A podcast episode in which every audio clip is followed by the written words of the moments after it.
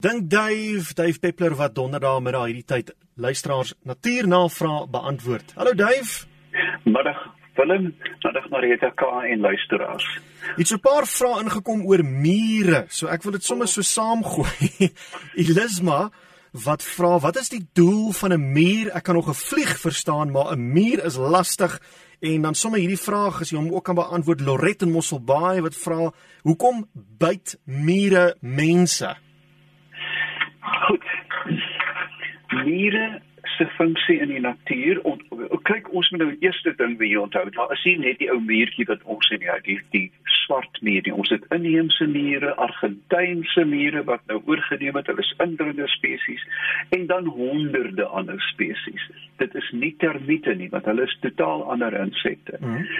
Die doel van met van mure is is 'n groot terugvoerlus in die in die verwerking van organiese materiaal. Dis hoekom hulle onder die grond bly, hulle dra jou oorskiet curry en wat ook al daarin. En so bring dit deur lug hulle grond, hulle vreet in baie opsigte skadelike karkasse van muise, krieke, wat ook al, mm. word baie vinnig deur 'n muur opgelos. Met ander woorde, hulle het 'n baie spesifieke funksie in die natuur en 'n onontbeerlike een. As jy die muur sou wegneem, is 'n uh, dit skrikwekkende gevolge hê want in Engels is daar die term extinction cascades, uh, uitsterwing kaskades. Mm. Ander goed kan gebeur as mure skielik verdwyn, uh, boonbehalwe die muurvreter kinders natuurlik. Dan uh, hoekom byt mure mense want hmm. omdat hulle kwaad is. Mure is blind.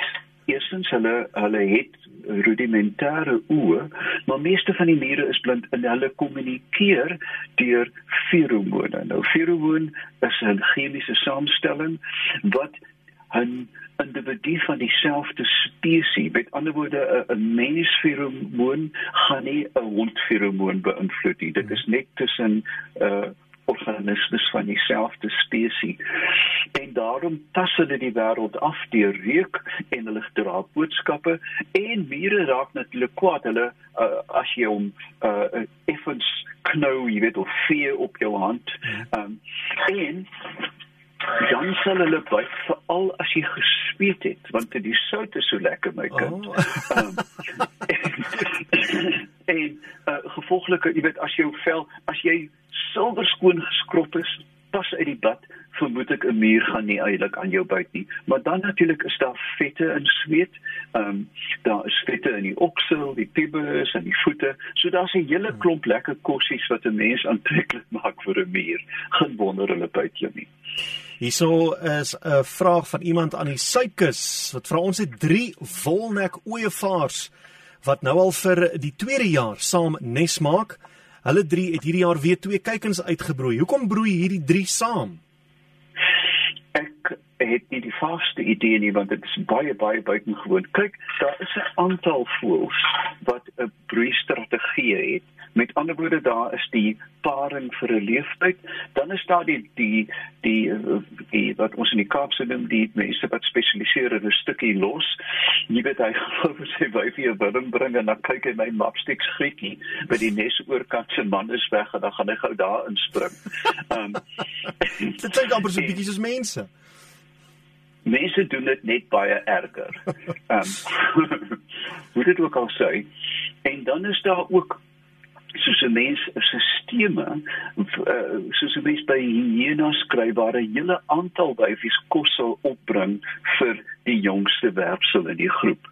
Maar vir drie om konsekwent saam groot te maak is nuus vir my. Hmm. En uh, dan kom ons by hierdie ene uit wat uh, waar is hy nou? Dis Jolien Pretorius van Klein Brakrivier en sy vra hoekom kruip aardwurms uit die grond waar dit droog is. Dit lyk of hulle selfmoordneigings het, want elke oggend is daar 'n klomp uitgekruip daar waar dit nog 'n uh, eh, klammerig is by die watertank. Hoekom bly hulle dan nie waar dit lekker klammerig is nie?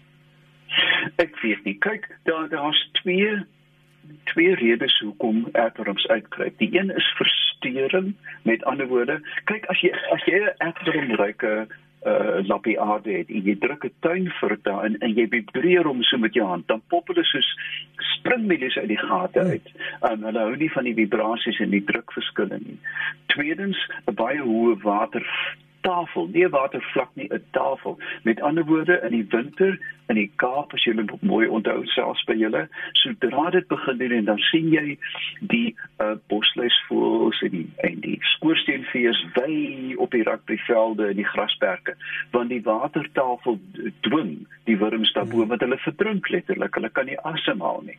Maar dan kan daar ook ehm um, in indien die grond baie droog is, kan dit 'n desperate poging van die aardwurm wees om ek dink nou aan 'n Afrikaanse woord om te versprei, disperse in Engels, om beter weivelde te soek.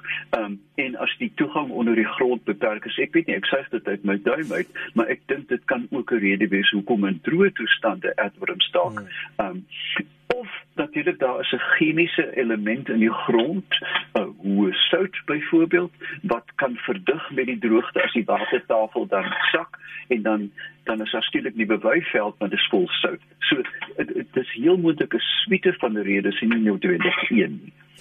Hier's 'n vraag van Elizabeth Hudson in Kimberley. Onlangs het 'n valk 'n bosduif in ons tuin gevang. My man het my kom roep En toe ons buite is, laat val die valk die duif voor ons. Dit het 3 keer gebeur. Was die duif net te swaar of is dit normaal vir 'n valk om dit te doen? Nee, nee, nee. Die duif was die, sy oogies was baie groter as sy maag. en as ek nou dink aan 'n valk, dan in en Kimberley sou ek dink dit was 'n sperwer. Ehm um, miskien 'n swart sperwer of 'n rooibos sperwer. En baie keer, jy weet, is hulle 'n bietjie manhaftig. Ja. Ehm um, uh, vreemd genoeg dat by by roofvoëls is die mannetjie 'n derde kleiner. Kan jy dit glo as die wyfie? Hulle is altyd 1/3 kleiner. Um, van waar die falkonier term teersel vir 'n manlike swerfvalk byvoorbeeld. Ehm um, so baie keer uh sonder verstoring, luister nou mooi, sal hulle 'n groter prooi vat grond toe gaan met hom en dan gedeeltelik opvreet. Maar hulle is by hierdie valke is hmm. duidelik versteur en het hierdie kosbare stuk vleis dan probeer wegdra en kon nie. So, ehm um, dit was 'n strategie sonder die mense in toe sy versteur. Baie dankie Dave Peppler. Jy is welkom om sy webwerf te besoek. Dit is www.davepeppler.com. Baie mooi kleurryke en uh, gebruikersvriendelike webwerf waar jy ook verder kan gesels en vra vra. Hy's ook op Facebook as jy miskien daar wil gaan soek. Jy tik maar net in en jy soek vir Dave Peppler hier sal hom daar kry op Facebook.